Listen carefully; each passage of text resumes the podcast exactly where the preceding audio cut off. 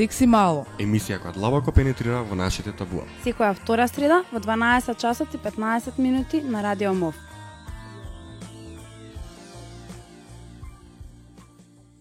Здраво дечки на сите, уште една среда 12 часот и 15 минути, стандарден термин за новата емисија на Секси Мало. А, пред две или една емисија повторно го слушавте само мојот глас, еве сега исто така ќе го слушате само мојот прекрасен милозвучен глас, со чиста причина што декември е секогаш месец на премногу активности, така да тимо на Секси Мало е премногу распарчен и на секаде, особено волонтерите. Така да јас имам таа чест и задоволство во студиото да бидам само со Були и да бидам главниот диджеј Ани Пукни, така да јас ке жарам и палам во оваа емисија. А, премногу активности во ноември и декември, премногу има а, што да се зборува, но со оглед на тоа дека прва асоциација на Хире е секогаш хив сида и црвената панделка, она со што би ја започнал оваа емисија, е а, оно што се случуваше во а, текот на а, ноември, да, еден месец пред декември ноември, од 21 до 28 ноември, а тоа беше Европската недела на хив тестирање, а, која што беше поддржана а, со повеќе од 680 организации ширум Европа кои што работат на превенцијата на ХИВ и мотото не само на тие организации туку и на ХЕРА во а, за Европската недела на ХИВ тестирање беше зборувај за ХИВ, тестирај се за ХИВ. Генерално, а, поентата уствари и целта со а, Европската недела на ХИВ тестирање беше да се подигне свеста на јавноста, за јавноста, на јавноста, не за јавноста, за придобивките од ХИВ тестирањето и да се мотивираат граѓаните да направат ХИВ тест, односно секој да може да го дознае својот а, својот хив статус.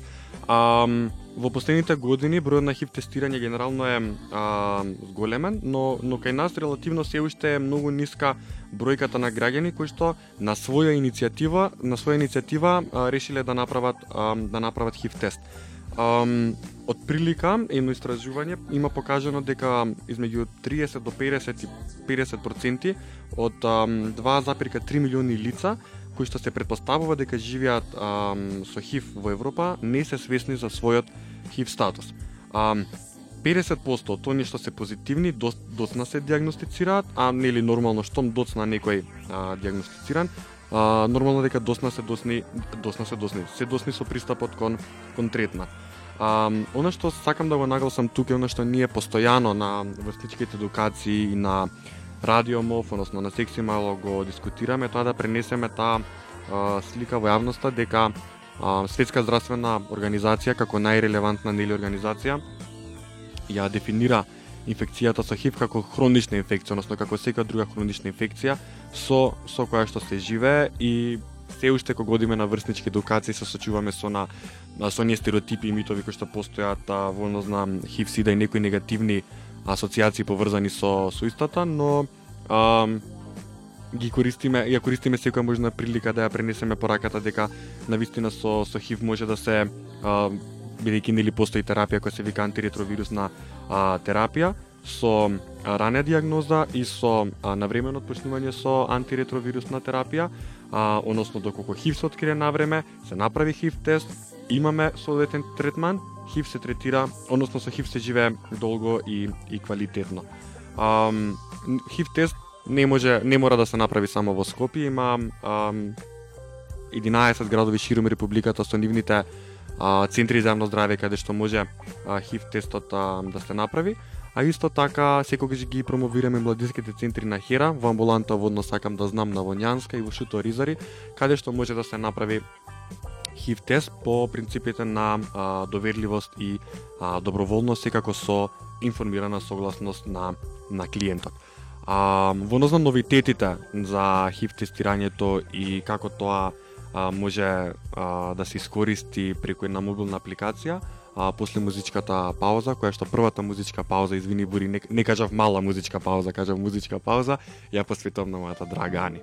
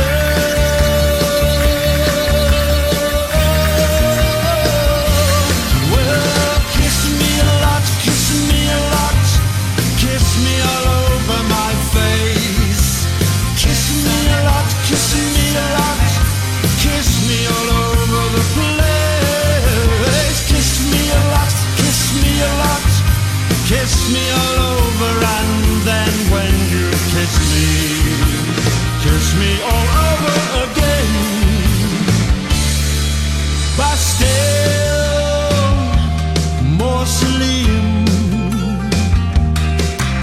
Stockyard, churchyard, your mommy's backyard. I don't care when or where.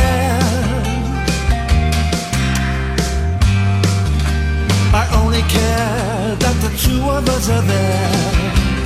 And that you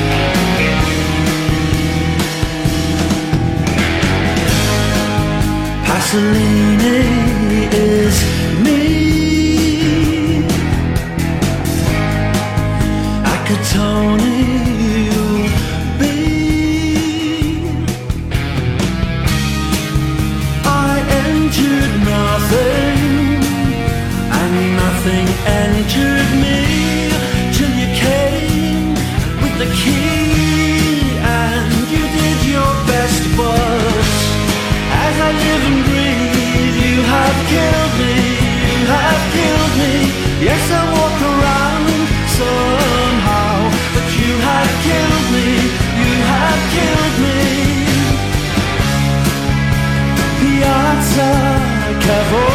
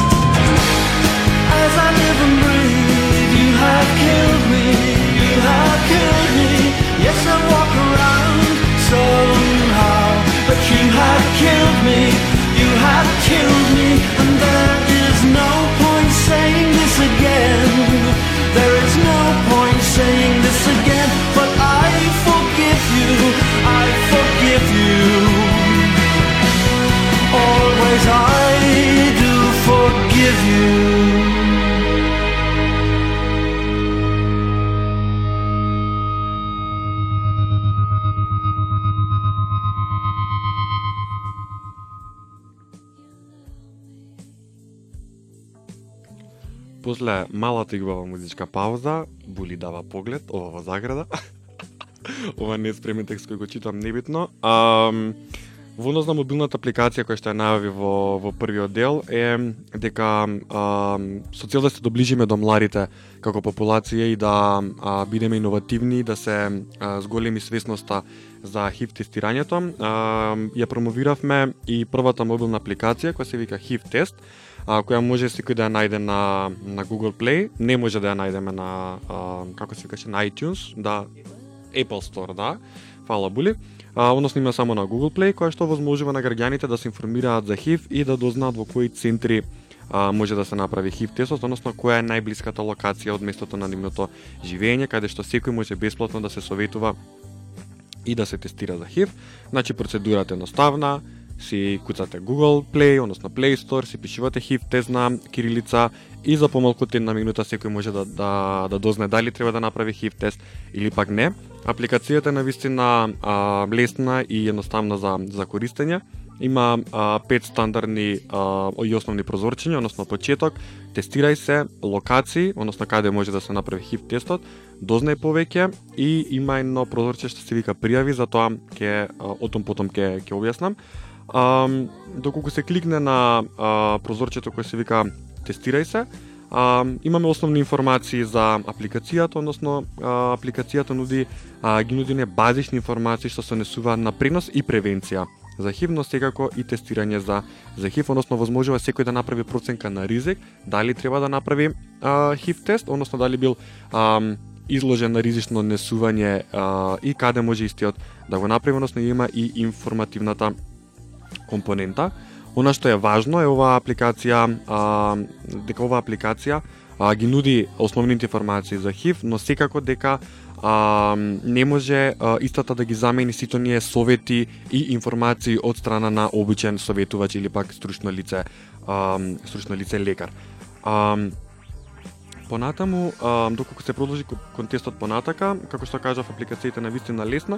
Наредното едно од првите прашања кое е тоа е дали е кои од овие активности а, ги имаш направено и на пример таму се наредени бакнување, контакт на голи тела или пак вагинален секс и доколку се одбере вагинален секс, наредното прашање апликацијата те прашува дали користеше кондом при сексуалниот однос или не.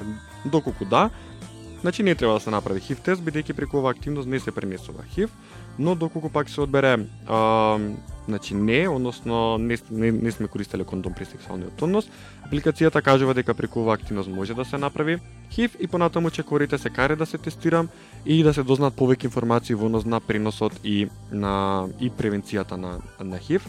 А, Она што е важно за ХИВ тестирањето, што секогаш го нагласуваме, тоа е дека е едноставна и брза процедура, односно за 20 на минути се дознава а, резултатот.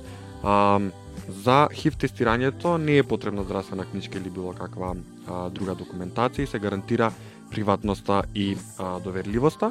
Она што е интересно кај оваа панел, кај оваа апликација што ја нуди мапата а, на Македонија, односно на градот од каде што секој е, и со црвена панелка се означени локациите а, на сите институции, односно места каде што може да се направи HIV тест. Например, во моментов јас сум во Радио МОВ и ме означува дека сум апликацијата во Радио МОВ и најблиску ми се а, еве со три црвени панделки во моја близина се означени инфективна клиника, односно клиничкиот центар во Скопје, понатаму Институтот за јавно здравје и Младинскиот центар сакам да знам и додека се одзумира, доколку сме на пример еве во а, Куманово, ја дава локацијата каде може тесто да се направи во Куманово, понатака во Тетово, во Охрид и така натака и така натака. А, јас како што тргнав нема да прекинам со зборување и нема да одиме со мала музичка пауза сега, туку ќе одиме со голема музичка пауза.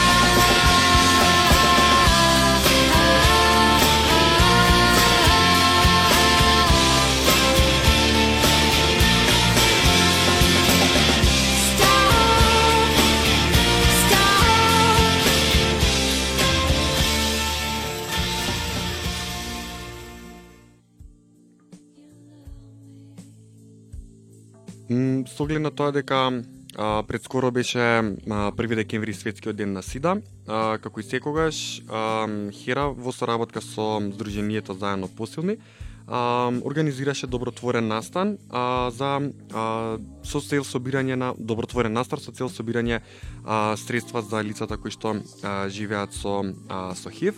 А, немавме активност, значи овој настан не беше а, одржан на 1 декември, затоа што 1 декември беше а, понеделник и работен ден, но беше одржан на 30 ноември во а, кафе бар Кала во 20 часот. А, имавме а, имаше Сдруженијето заедно посилни организираше настан каде што а, познатите и успешни јавни личности како што се Тамара Тодевска, Кристина Рнудова, Дани Лила, Коста Петров, Дарко Лешовски, Бетмен Велит, Владко Лозановски, Виктор Апостоловски и сите други кои што ги за ги заборавив. А, има нацртано свои уметнички дела слики кои што беа ставени на аукција, односно на наддавање. Благодарно за сите кои што ги ги купија сликите и учествува во, во аукцијата. А, настанот беше воден од страна на Огнен Јанески, Огнен поздрав ако не слушаш, додека за музиката беше одговорен а, Зоки Бејве. Целта на, на самиот настан беше сите заедно да допринесеме за поголема свесност за ХИВ а, во Република Македонија, затоа што, како што кажа во почетокот, имаме премногу ниска стапка на доброволно тестирање за ХИВ, плюс а, лицата кои што живеат со ХИВ се сочуваат со дискриминација на, на, секое, на секое поле. Средствата кои што се собраа во оваа аукција, ако не се лажам, беа отприлика 115.000 денари, како и минатите години кога се организираше а, концертот на оперски ари во Македонската опера и балет, а, сите средства а, беа наменети за поддршка на луѓето кои што живеат со, со ХИВ во Македонија, односно а, заедно посилни ги пренасочува овие средства за покривање на итни здравствени потреби или пак за помош на лицата а, со ХИВ кои што живеат во неповолни социјални услови. А, самиот настан беше на вистина а, добро медиумски а, покриен. А, беше на вистина задоволство да се биде таму и да се да се даде поддршка на заедно посилни волонтерите на Хера и целокупниот тим на Хера а, беше присутен таму. А, сите што не успеа да да бидат таму, слободно на социјалните мрежи на Хера и на заедно посилни и на Facebook и на Twitter може да да се информираат за настанот, да ги видат слики кои се беше таму и какви слики на црта познатите јавни личности. А, нема да зборувам во однос на ХИВ за начини за пренос за телесни течности, затоа што тоа го имаме премногу зборено и зборено. Сакав а, во ова, во ова секси мало оваа компонента да ја, да ја опфатиме, односно да а, повикаме повторно на, на ХИВ тестирање, затоа што не треба да се прави ХИВ тест и да се збори за ХИВ само кога иде први декември или кога Европската недела за ХИВ тестирање која беше а, именувана како зборува и за ХИВ, тестирај се за ХИВ. А, треба да зборуваме за ХИВ и да се тестираме за ХИВ. А, и на 2 декември, и на 15 декември, и на 15 мај, и во текот на летните месеци, затоа што ХИВ не засега сите.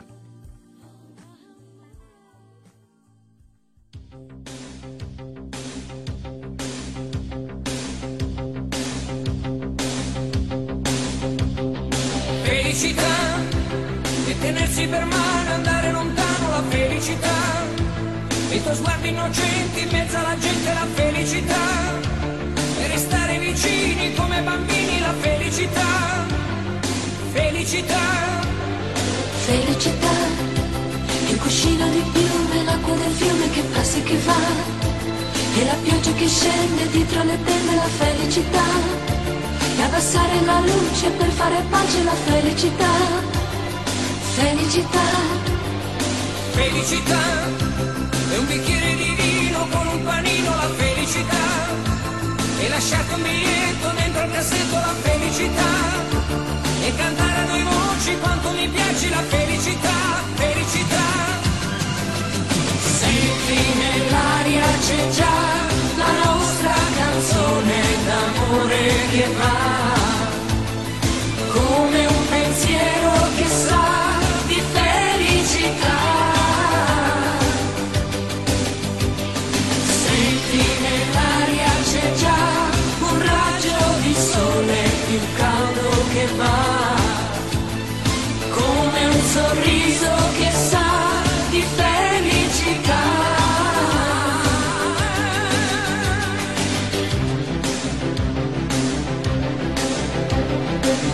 felicità, fissa la luna accesa, la radio che va. Un biglietto d'auguri pieno di cuori, la felicità. E una telefonata non aspettata, la felicità. Felicità. Felicità, è una spiaggia di notte, l'onda che batte la felicità.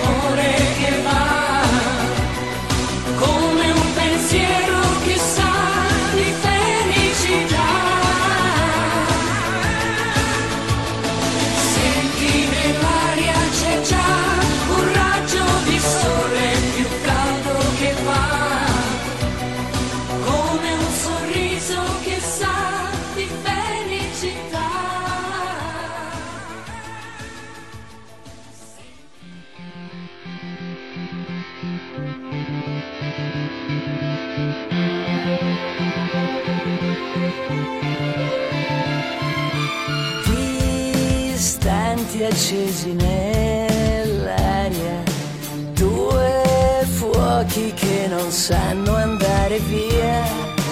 L'hai scritto quando non c'ero, dove finisci tu comincio io.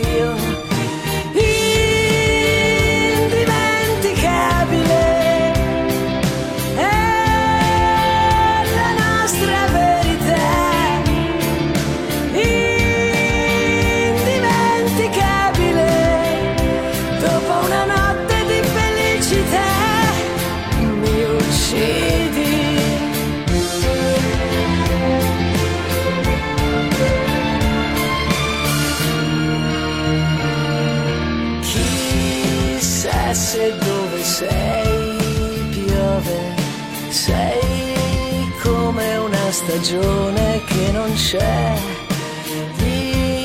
Diversi posti e persone ma non c'è mai nessuno come te